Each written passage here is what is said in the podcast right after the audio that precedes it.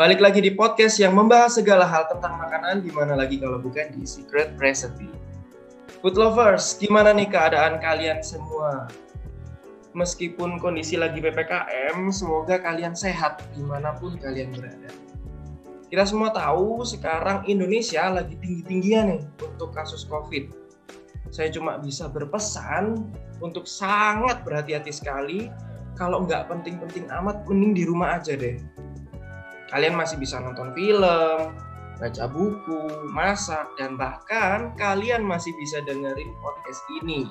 Hitung-hitung nambah ilmu lah ya seputar makanan. Hari ini saya nggak akan ngobrol sendiri, saya akan ditemani seseorang, cie seseorang. Buat kalian pendengar setia udah pasti tahu lah siapa dia, suaranya nggak familiar, eh sangat familiar maksudnya sangat familiar pasti buat kalian karena Doi udah pernah dua kali datang di podcast ini ngobrol-ngobrol sama saya. Langsung aja, ini dia Mas Bimo. Halo Mas. Halo, Bimo. halo, halo Do. Gimana halo, kabarnya? Gimana kabarnya? Sehat, sehat. Puji Tuhan. Ya kita hari ini Zoom meeting lagi ya, Zoom, apa via Zoom lagi ya. Berjauhan soalnya ya. Berjauhan. Mas Bim, gimana nih? Apa yes. lagi sibuk apa sekarang? Uh, sekarang lagi sibuk belakangan ini sebenarnya sebelum gelombang kedua pandemi ini hmm. lagi banyak kelas sih ngisi-ngisi oh. kelas gitu kelas biasanya retreat gitu Nah, tapi karena pandemi jadi ada satu dua yang harus di pending, lainnya eh, online sih. Oh, tapi ya masih ada kesibukan lah ya, maksudnya nggak nggak sampai stuck nganggur banget lah ya gara-gara pandemi. Kalaupun ada tanda-tanda nganggur, cari kesibukan. Biar nggak stres. Nulis ya. lah atau apa gitu. Iya iya. Mas Bim, kemarin yes. aku sempat lihat di Insta story-nya Mas Bimo itu habis dari ya. Jogja ya. Apa naik gunung Jogja. Meru ya? Uh, kemarin rapat sih sebenarnya bulan oh, lalu. Rapat. oh, oh gitu. Jauh banget mas iya. di, di di di gunung mana tuh? Semeru, Semeru bukan sih? Enggak enggak. Kalau naik gunungnya itu bulan lah du, dua minggu lalu uh -uh. itu di Arjuna Arjuna itu di Malang tuh loh. Uh -uh. oh nah, kira kalau di, yang, di ini di Jogja? Jogja enggak enggak, enggak. Oh. aku kalau naik gunung di Jawa Tengah masih belum berani. Oh gitu. Gimana gimana? Naik gunung gimana mas? Pengalamannya. Aku juga senang sebenarnya naik gunung cuman nggak ada yang ngajakin naik gunung itu uh, ini sih uh, kalau apalagi bareng teman-teman ya kan nggak hmm. mungkin sendiri kalau bareng teman-teman tuh naik gunung itu ini di kita latihan manajemen logistik oh itu banget banget terutama minuman hmm. minum minum makan uh, selama perjalanan pendakian kemarin lambat sih tujuh setengah jam naiknya. Tujuh nah, setengah jam? oh, harusnya empat ah. jam tapi kami kemarin tujuh setengah jam. Sangat lambat. Ya, itu harus benar-benar di manage logistik. Jadi menghindari asin. Menghindari, apa? asin. Menghin menghindari makan asin dulu selama naik. Oh gitu. Biar nggak cepet aus ya? Iya betul. Karena kebetulan jalur yang kami lewati nggak ada sumber mata air. Hmm. Itu. Terus makannya Hanya ada makan kalau nggak makan asin, nggak makan yang gurih-gurih. Kemarin kemarin kami itu per orang bawa pisang, mm -hmm. terus bawa kurma, mm -hmm. bawa gula jawa. Sumber tenaga itu. semua tuh ya? Sumber tenaga semua. Apa? Gula semua. Gula ya, semua. Kan? Itu sama coklat hmm. beng beng oh. coba beng beng sama ini madu apa madu sasetan tuh tapi apakah bisa enjoy kalau kayak gitu mas? Enjoy? Justru enjoy kan karena kan dibuat makanan juga nggak apa ya nggak yang mungkin fam- nggak familiar banget gitu loh buat kita yang apa ya kayak sehari-hari mungkin makannya kan ya pastilah ada ada unsur garamnya yang ada unsur ini apa asin namanya gitu ya eh, gurih eh, gitu eh. ya Eh. sebenarnya kalau itu buat ini aja tuh buat pendakian buat perjalanan aja pendakian sama waktu turun tapi selama di camp campground Hmm? itu makan asin itu oke banget itu oke apa-apa. Oh, oke oke oke. Aku kira jadi dari dari bawah sampai di atas sampai nanti balik itu makannya manis-manis. Diabetes. Oh enggak, enggak. enggak, enggak. Sama perjalanan aja karena kalau kita gini, bayangin aja tuh, kamu berangkat sudah habis duluan airnya. Nah di atas nggak bisa masak apa-apa dong. Iya iya iya. Mas Bim, Eh, boleh sama- minta tolong suaranya agak dikerasin sedikit biar ini. Oke oke, Ah. agak te- terlalu jauh ya kayaknya. Oh, oh, mungkin. Sama ini sih mengenali rasa haus. Karena ternyata ketika kita ngos-ngosan tuh belum belum pasti tuh haus. Oh iya. capek kayak gitu ya tinggal tinggal berhenti aja dulu berhenti sampai nafasnya teratur oh ini ternyata bukan haus sering kali gitu sih Oh gitu. Aku Iya. kira- nggak tahu kemarin aku sering kayak gitu Oh Naik gitu, gitu ya. ya. Aku kira malah Oh. kalau biasanya aku eh, olahraga nih ya habis. Fitness gitu ya angkat beban sebentar gitu istirahat pasti aku minum. Ngos-ngosan gitu kan minum gitu. kemarin sih enggak. Tinggal berhenti dulu ngatur nafasnya sampai nafasnya teratur. Hmm. kalau di di dalam mulut tuh kerasa kayaknya kok aneh ya eh, sensasi hausnya tuh kerasa banget. Jadi kayak apa? Kering. kental banget gitu. Ludahnya kayak kental terus kemudian ya kerasa haus itu loh nah Hmm. itu baru tapi kalau setelah nafasnya reda udah teratur nafasnya udah nggak kerasa haus ya itu berarti cuman sensasi doang sensasi. Gitu sih. Iya iya iya. itu Wah keren juga ya. Terus kemarin Hmm. kegiatan apa aja di atas gunung mas? di atas masak masak masaknya tapi kemarin bukan mie instan masaknya masak apa daging terus kemudian masak sayur gitu dan mengelola limbahnya juga tuh kemarin jadi Oh ya? Mengelola bukan limbah mengelola itu gimana? memikirkan sih memikirkan sih jadi ini kayak plastik kan tidak mungkin kita buang di gunung itu Betul. kan akan merusak alam tuh.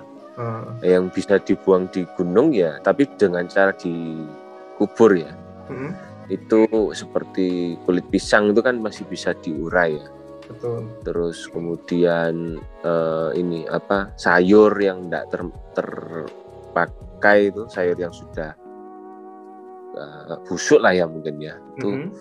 itu Oh, yang mungkin di- ujung-ujungnya kali ya atau kulit-kulit. Iya, itu dikubur itu. Itu dikubur kayak gitu-gitu. Bawang, brambang itu dikubur. Mhm. Tapi karet, plastik itu dibawa turun semua. Oh iya iya iya. Gitu. Ya kita menikmati alam, kita juga harus menghargai alam ya. Betul, maka disebutnya bukan pendaki, pencinta alam. Asik. Iya. Iya. iya. Kemarin ada hal lucu juga sih. Rombongan kami kebetulan ada yang memang sudah berkali-kali ke situ kan. Ya bukan porter sih, tapi memang orangnya memang sering ke situ. Sudah kenal Medan. Dia ngambil air dari sumber mata air yang memang nggak sebenarnya dirahasiakan banget sih, dirahasiakan banget.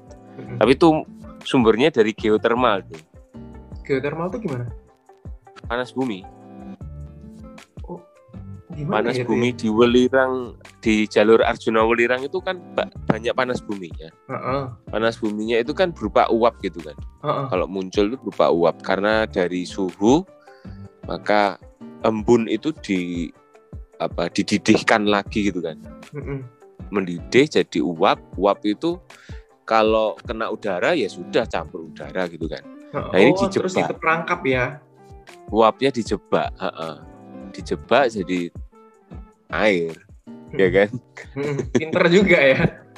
iya jadi dapat air bersih bersih banget airnya tapi panas Lumayan lah ya, kan gunung kan dingin. Jadi ya air Iya. panas instan. betul betul Buat Betul, minum betul. kopi enak gitu, Mas. Eh, tapi itu di, dirahasiakan tuh kalau pendaki lain pada tahu Habis ya. Bukan soal habis. Di Orang-orang dieksploitasi. kotor jadinya tuh Oh, gitu. gitu. Beberapa waktu lalu ada ya yang mereka mereka yang cerita. Dibikinkan tandon gitu kan. Tidak lama dari situ deket di situ ada ini apa bungkus sabun. Hmm. kan jadi apa polusi kan. Padahal kan Iya, kita betul, sebenarnya nggak boleh. Ada beberapa sabun odol kan nggak boleh dipakai kan di alam dibuang di Hmm. alam ya kan itu Iya, iya, iya. gitu sih Ih. Terus setelah eh, itu Ya. dua minggu lalu ya, dua minggu dua lalu, minggu ya lalu ke, ke ini. Hmm. Terus selama COVID ini nggak mas, apa namanya jalan-jalan ke mana lagi gitu? Oh, jalan-jalan literally traveling nggak? Gitu. Kan kadang ada yang ah yang penting nggak apa-apa lah traveling, yang penting jaga protokol gitu kan.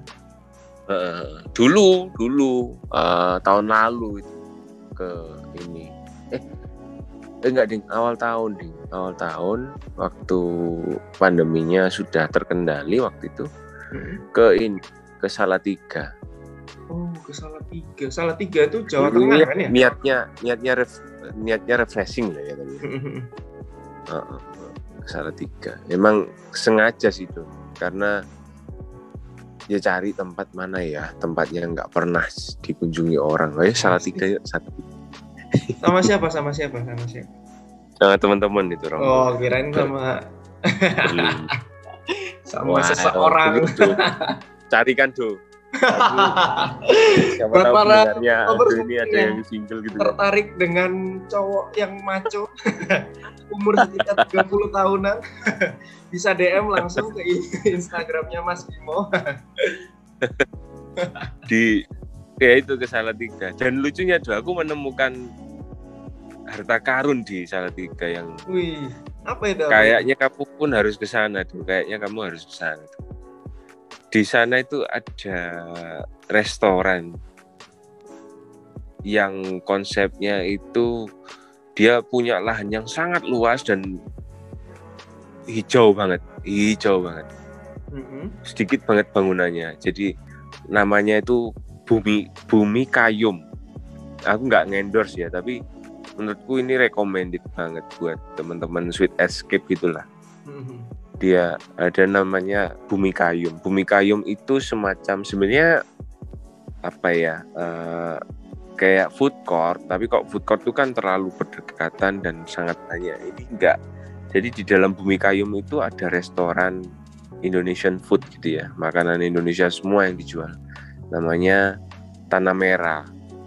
Oh, Terus kalau kemudian Tanah Merah ada mah juga- itu mah franchise.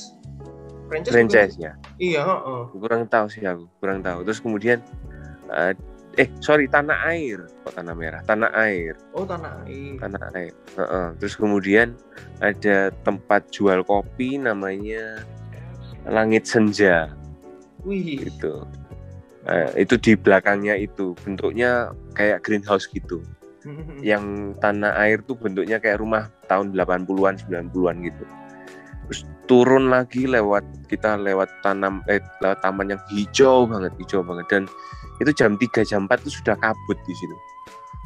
Seru jadinya keren ya. turun dari situ ada namanya aku lupa namanya apa. Tapi dia jual ini makanan-makanan kayak pizza kayak pasta-pasta gitu. Jadi ngeblend banget tempatnya. Ada Indonesian food ada ada makanan barat ada. Dan eh kalau rasa aku nggak nggak bisa ngomong ya karena aku nggak nggak jago diri soal rasa ya tapi eh, tempatnya benar-benar bisa dinikmatin banget itu keren banget tempatnya kamu nanti bisa googling lah Bu- bumi kayum Bumi Kayum. K A Kayak K A Y O N. Oh, oke oke oke oke. Menarik menarik. Mungkin nanti kalau aku ada waktu nanti aku bakal ke sana deh. Aku cobain. Ini karena Cobain, pandemi cobain. yang seperti ini aku aja ngeri mau ke mana-mana. Iya benar benar. Nunggu aja nunggu pandeminya udah reda. Iya, iya. Kita bisa sedikit apa ya? Kalau bisa kayak di Eropa kan beberapa negara sudah bisa Betul. tanpa masker ya. Oh, oh, udah lepas masker, udah aktivitas normal, udah mulai, normal lah ya, mulai. Mm-mm. Hmm. Wah, keren ya. Kayaknya Salah tiga. asik ya sana ya, ngopi ya kan, ngopi Ah, ah.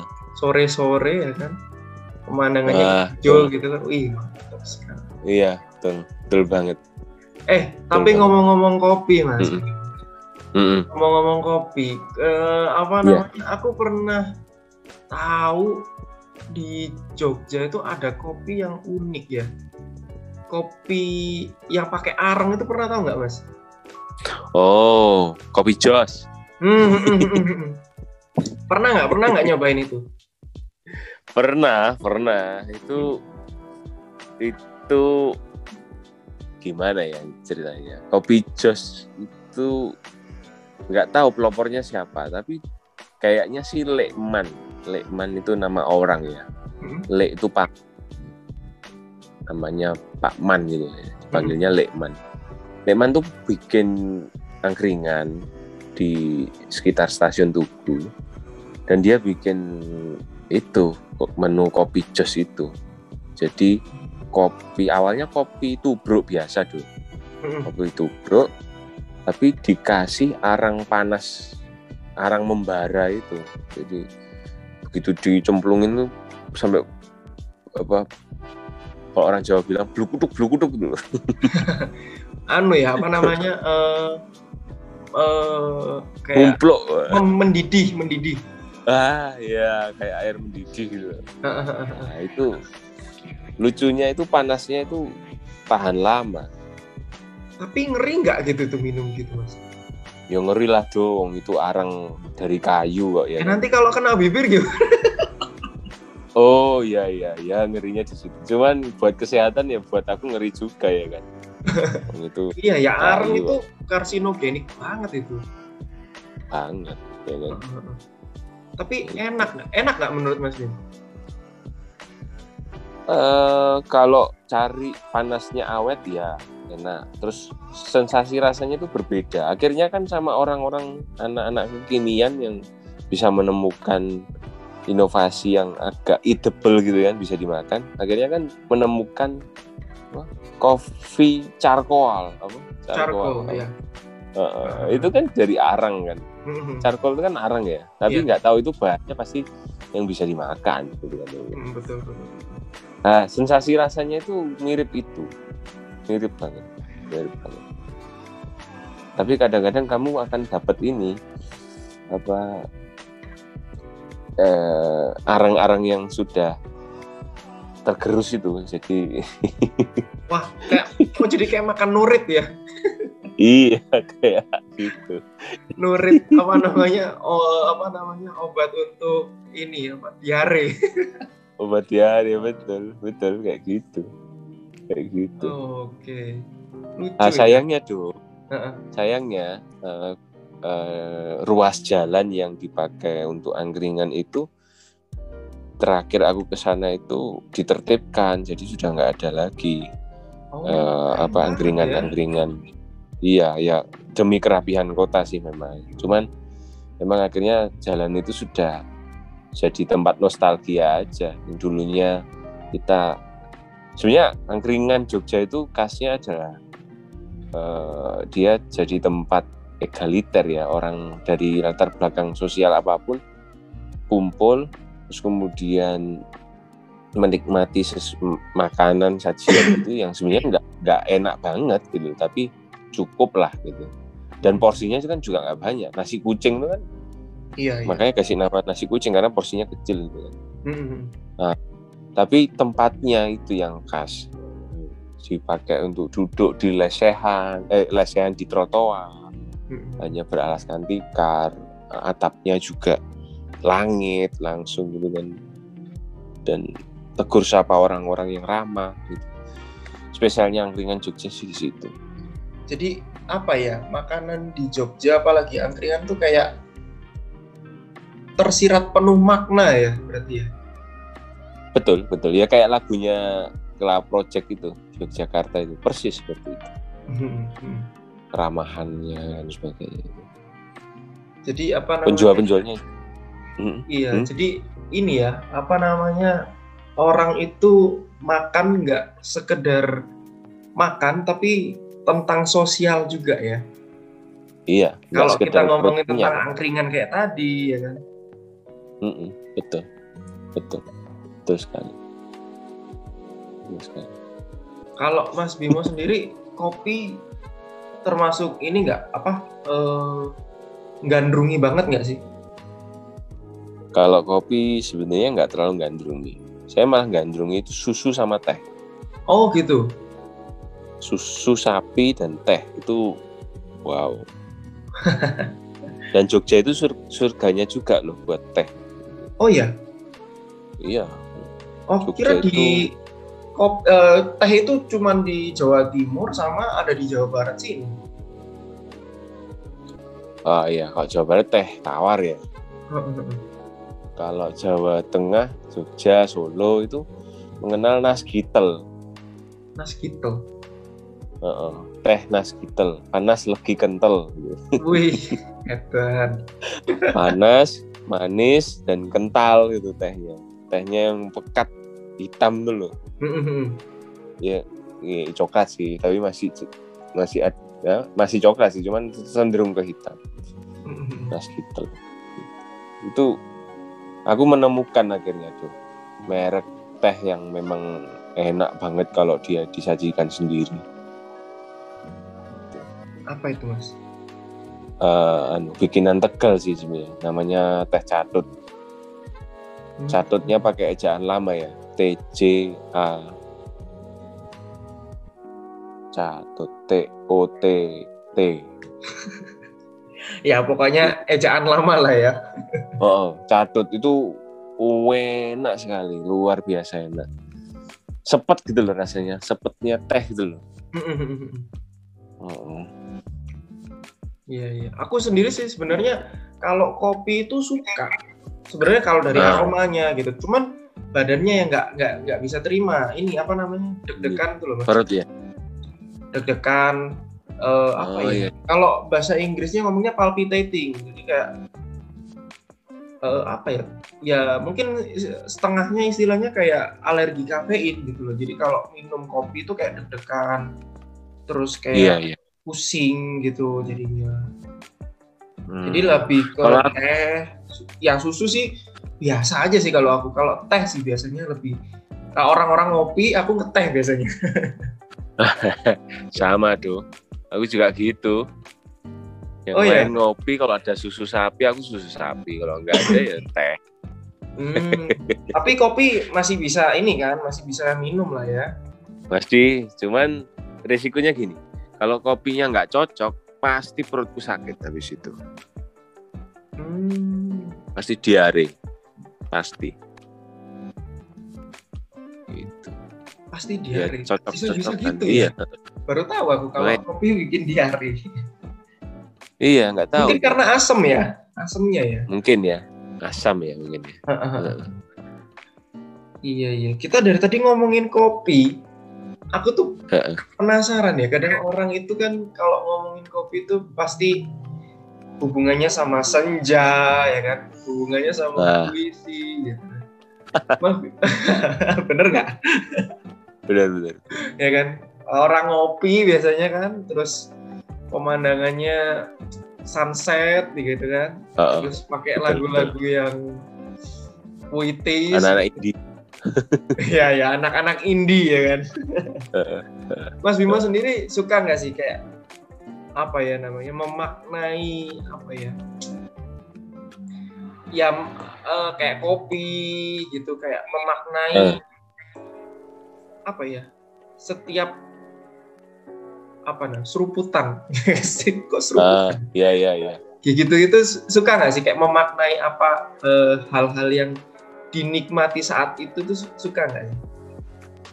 Uh, jujur aku gini menempatkan kopi itu pada minuman sosial itu minuman yang aku minum ketika aku ingin bersosial dengan teman-teman sedangkan uh, nuansa senja yang tadi Aldo bilang tuh hmm. itu aku justru bisa menikmati bisa masuk ke suasana itu ketika aku ditemani oleh teh panas dan gorengan panas atau Wih. jajan atau jajan desa yang panas macam kayak hmm. apa singkong rebus hmm. pisang godok gitu-gitu hmm. Itu tua gelombang otakku ya. bisa masuk ke soalnya tua banget ya mas ya? Makanya. Tapi dengan dengan makanan yang seperti itu yang hangat yang panas itu hmm. gelombang otakku bisa masuk ke nuansa seperti itu. Sehingga hmm. damai gitu kan ya? Iya iya iya. Itu, itu. kalau aku secara pribadi gitu. Iya. Benar-benar tapi emang identiknya gitu ya? Kopi atau teh itu sama gorengan terus identiknya sama sesuatu yang santai yang damai iya. kayaknya gitu kayaknya gitu kalau Mas Bimo sendiri sebenarnya memaknai kopi itu sebagai apa sih? Maksudnya selain suatu hal yang sosial, mm-hmm. um, apalagi sih mungkin yang kayaknya kadang kan orang tuh kayak memahami sebuah. Aku nggak ngerti ya. Kalau aku sendiri nggak begitu penikmat kopi, aku suka gitu, tapi nggak nggak mm. yang menggandrungi banget gitu. Tapi aku heran gitu. Kayak sampai ada kan sampai ada filmnya kan, filosofi kopi. Iya. Jadi kayak Iya betul.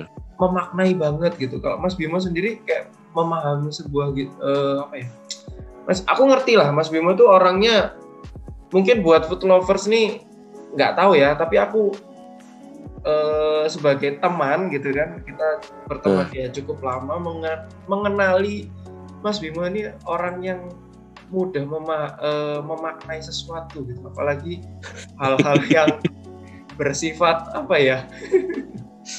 Bisa ya. Bisa jadi aku cuma pengen pengen apa ya kadang itu penasaran apa sih kenapa sih orang itu bisa memaknai ya apa ya minuman itu sebagai sesuatu hal yang kayak dalam banget gitu iya iya uh, kalau aku secara pribadi doh uh, menempatkan kopi itu tadi minuman sosial. Cuman kalau kopinya sebagai bahan baku, hmm. aku me menempatkan bahwa kopi itu seperti cermin sih kalau aku bilang. Jadi kopi itu mencerminkan bagaimana dia ditanam. Paling mudah itu. Saya pikir mak apa bahan makanan yang paling mudah dilihat dari bagaimana dia ditanam, tempat dia ditanam seperti apa, yang bercerita soal dia ditanam di mana itu kopi. Paling sederhana gini. Nah, kata orang, awalnya aku nggak percaya. Kata orang, kopi di Bali itu ada aroma jeruknya. Karena dia ditanam di dekat jeruk juga. Dan ketika saya coba nyicipin gitu oh ternyata benar dan lebih percaya lagi ketika uh, suatu ketika aku main ke daerah Blitar namanya Resa Pombo hmm. di sana ada uh, ada apa ya perkebunan yang cukup luas perkebunan ini apa namanya cengkeh atau vanila gitu aku lupa dan di sekitar itu juga ditanam kopi dan ternyata aroma kopi di sana wangi banget kayak vanila. Hmm. Kopinya tok loh ya. Hmm. Aromanya itu persis dengan wangi loh, wangi banget kopinya. Beda sama aroma kopi biasa. Kopinya wanginya berbeda gitu. Meskipun ketika diminum ya kopi, tapi aftertaste-nya aku yakin seperti aroma itu. Kalau orang-orang kopi kan bilang aftertaste ya hmm. rasa yang muncul ketika dikecap-kecap katanya gitu. Hmm. Aku pikir kopi itu cermin, itu tuh dia mencerminkan tempat dia ditanam, mencerminkan bagaimana orang menanamnya, bagaimana orang memperlakukan dia. Itu. Maka kalau di film filosofi kopi kan ada istilah barista, ada istilah food apa coffee lovers gitu kan. Mm-hmm. Tapi ada istilah pemulia kopi kan istilahnya kalau di filosofi kopi. Nah, itu yang mencermin apa? Kopi itu mencerminkan bagaimana pemulia kopi ini menanam.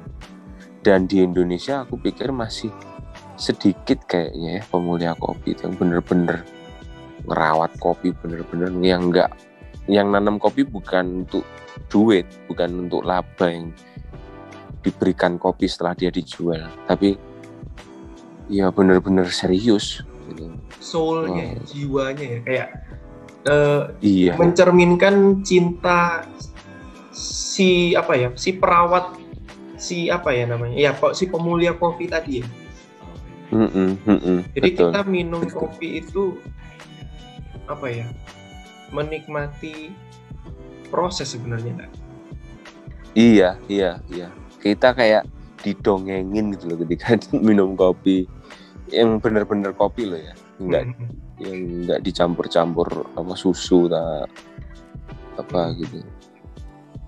Itu. Itu. Meskipun saya secara pribadi ya ini ya enggak bukan pencinta kopi ya bisa minum kopi mau minum kopi cuman mm. ya itu tadi sudut pandangku terhadap kopi uh-uh. soalnya aku kopi. sering kali sih apa kayak orang tuh melihat waktu apa ya ketika orang minum kopi itu kayak memaknai sesuatu hal yang kayak ya beda aja gitu kayak orang itu memaknainya sebagai sesuatu yang spesial yang dalam banget gitu loh jadi makanya aku tuh penasaran. Aku sendiri kan bukan orang yang mudah memaknai suatu hal gitu kan. Uh, uh. Lihat Mas Bimo ini, wah kayaknya apa cocok nih. Kayak misalnya kan aku ngerti sendiri Mas Bimo juga sering apa ya di story Instagram apa juga uh, suka uh. memaknai suatu peristiwa, memaknai suatu hal gitu. Aku rasa uh. sudut pandangnya tuh menarik gitu buat aku aku pikir semua makanan bisa tuh kalau kita mau benar-benar mau apa ya dengan hati terbuka gitu ya. Mm-hmm. uh, ngambil uh, makna dari setiap sajian gitu. Aku pikir bisa. Tapi ya itu kita terdistraksi kan akhirnya. Yang makan terdistraksi oleh rasa laparnya hmm, sehingga betul. dia punya keinginan untuk memenuhi nafsu makannya ya. tapi melupakan makna di balik makanan itu contoh misalnya rendang deh rendang itu kan prosesnya panjang tuh betul sehingga dia benar-benar jadi rendang yang asli loh ya hmm. gitu. tapi kan ketika kita tertutup oleh rasa lapar kita wah asal kecap aja makannya tanpa disyukuri banget setiap gigitan itu ini bawa ini rendang loh rendang yang begitu enak gitu kan misalnya hmm. itu dari sudut pandang kita yang makan hmm. belum dari sudut pandang yang jual yang jual pasti pengen ru pengen ndak rugi pengen laba pengen untung seuntung untungnya maka ada beberapa orang yang jual rendang itu ya masaknya ya nggak sepenuh hati hmm. ya yang biasanya secara normal katakanlah masaknya itu 12 jam dia mau yang singkat aja dua jam bisa nggak ya? Dengan bumbu instan katakan. Hmm. akhirnya nggak memuliakan rendang gitu kan. Nangkep ya maksudnya iya iya. Iya benar juga sih. Maksudnya aku juga sering kali melihat sekarang itu ya emang karena kita di dunia serba cepat yang serba instan ya yang semua mm pengen cepat. Jadi apa ya kadang soul dari ya karena makanan minuman itu kan sebuah semuanya kan kita bicara tentang seni iya seni iya. itu suatu hal yang apa ya kita nikmati prosesnya mm. uh, ya kita nikmati prosesnya kita amati betul-betul setiap detailnya ya kan dan Betul. yang apa ya namanya ya setiap setiap apa namanya setiap langkahnya itu dipenuhi dengan cinta gitu iya iya betul Ya kan? betul karena sekarang aku ngeliat juga orang-orang tuh kayak ya ya yang penting eh, apa ya kalau orang zaman sekarang ya eh, nggak Hmm. dari si penjual nggak dari si pembeli juga orang tuh kalau makan ya yang penting aku kenyang gitu loh betul itu Betul. sekedar ya apa ya Ya, sebenarnya kalau misalnya kita mau tutup mata ya kita pakai MSG aja udah nggak pakai apa-apa udah. Ya udah bisa diterima ya kan? Tapi kan sebenarnya iya iya. yang kita sampaikan sebagai seorang juru masak atau eh, barista itu adalah apa ya message yang tersembunyi gitu loh. Dari Betul, kita untuk betul. konsumen ya kan? Betul betul sebuah seni yang sebuah seni yang bisa kita menikmati, bisa kita resapi, ya kan? Yang bisa Mm-mm. apa ya namanya? Yang bisa menyatu sama badannya kita gitu, sama tubuhnya kita gitu kan. betul betul betul mungkin anu do di eh, teman-teman disiplin yang berkecimpung di disiplin ilmu filsafat itu bisa sharing nanti ke Aldo soal filsafat makanan katakanlah gitu kan ya kan hakikat makanan itu Iya. gimana sih gitu Mhm. itu kayaknya menarik itu akan jadi diskusi yang menarik Iya. iya sih, karena aku juga kadang nggak terima sih kadang eh, ketika ya sebuah makanan itu memiliki cerita. Ya aku kalau memakna apa ya, kalau dibilang memaknai sungguh sebuah dalam setiap hal itu enggak enggak enggak Hmm. enggak ini banget ya, tapi suat eh, kalau disiplin ilmu yang aku pelajari banget seperti makanan Mm. itu apa ya menurut aku aku mem- ya aku menaruh semua apa ya perasaan semua apa ya soul jiwanya aku tuh di situ gitu sehingga apa yang Iya. aku buat itu sebuah seni karya seni yang yang nggak asal-asalan juga gitu loh jadi yang orang makan itu bukan suatu hal yang sebenarnya yang yang aku ingin ya, yang aku pengen itu ya. Orang Hmm. itu menikmati makanan itu ya apa ya? deep gitu loh. Seperti orang menikmati kopi gitu loh. betul betul betul menyadari bahwa itu ada menyadari bahwa itu dapat dinikmati menyadari bahwa saat itu aku ingin menikmati gitu kan. Dan memahami kayak kadang kita tuh membuat sesuatu kan pasti ada filosofinya ya, filosofi dasar berpikir kan. Jadi Iya. Betul. aku pengen sebenarnya orang itu memahami kenapa gitu loh. Kenapa Iya. makanan ini bisa terjadi, bisa tercipta gitu. Kan Betul, semua betul. semua terjadi berdasarkan ses- pasti ada asal muasalnya kan gitu. Iya, Terkadang, terkadang yang menarik dari sebuah makanan itu adalah cerita di balik itu. iya betul betul betul sekali betul sekali kalau kita mau terbuka sama akhirnya sedikit-sedikit merembet sejarah juga kan sejarah Iya, betul. makanan itu Heeh.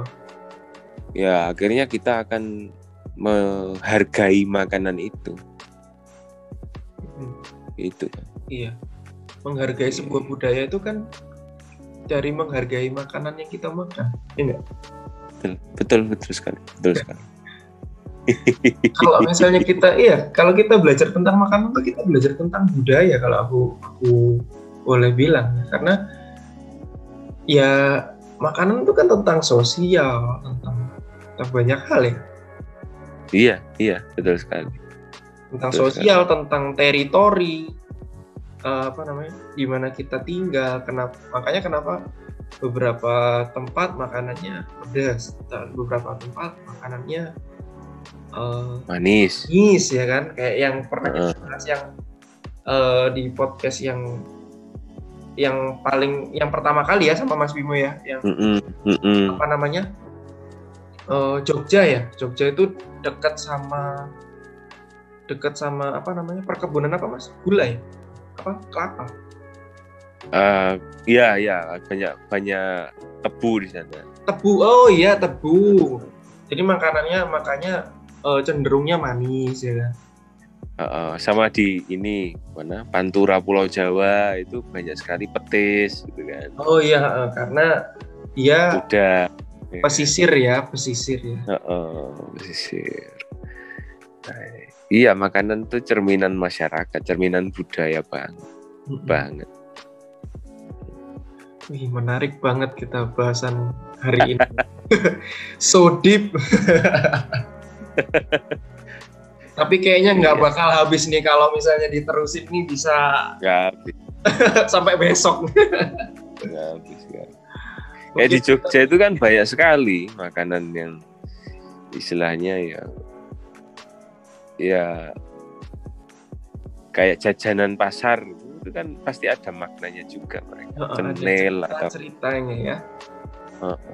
getuk itu kan pasti mereka juga punya cerita Ah. perlu kita kan. Ya, iya. Menarik sekali bahasan kita hari ini.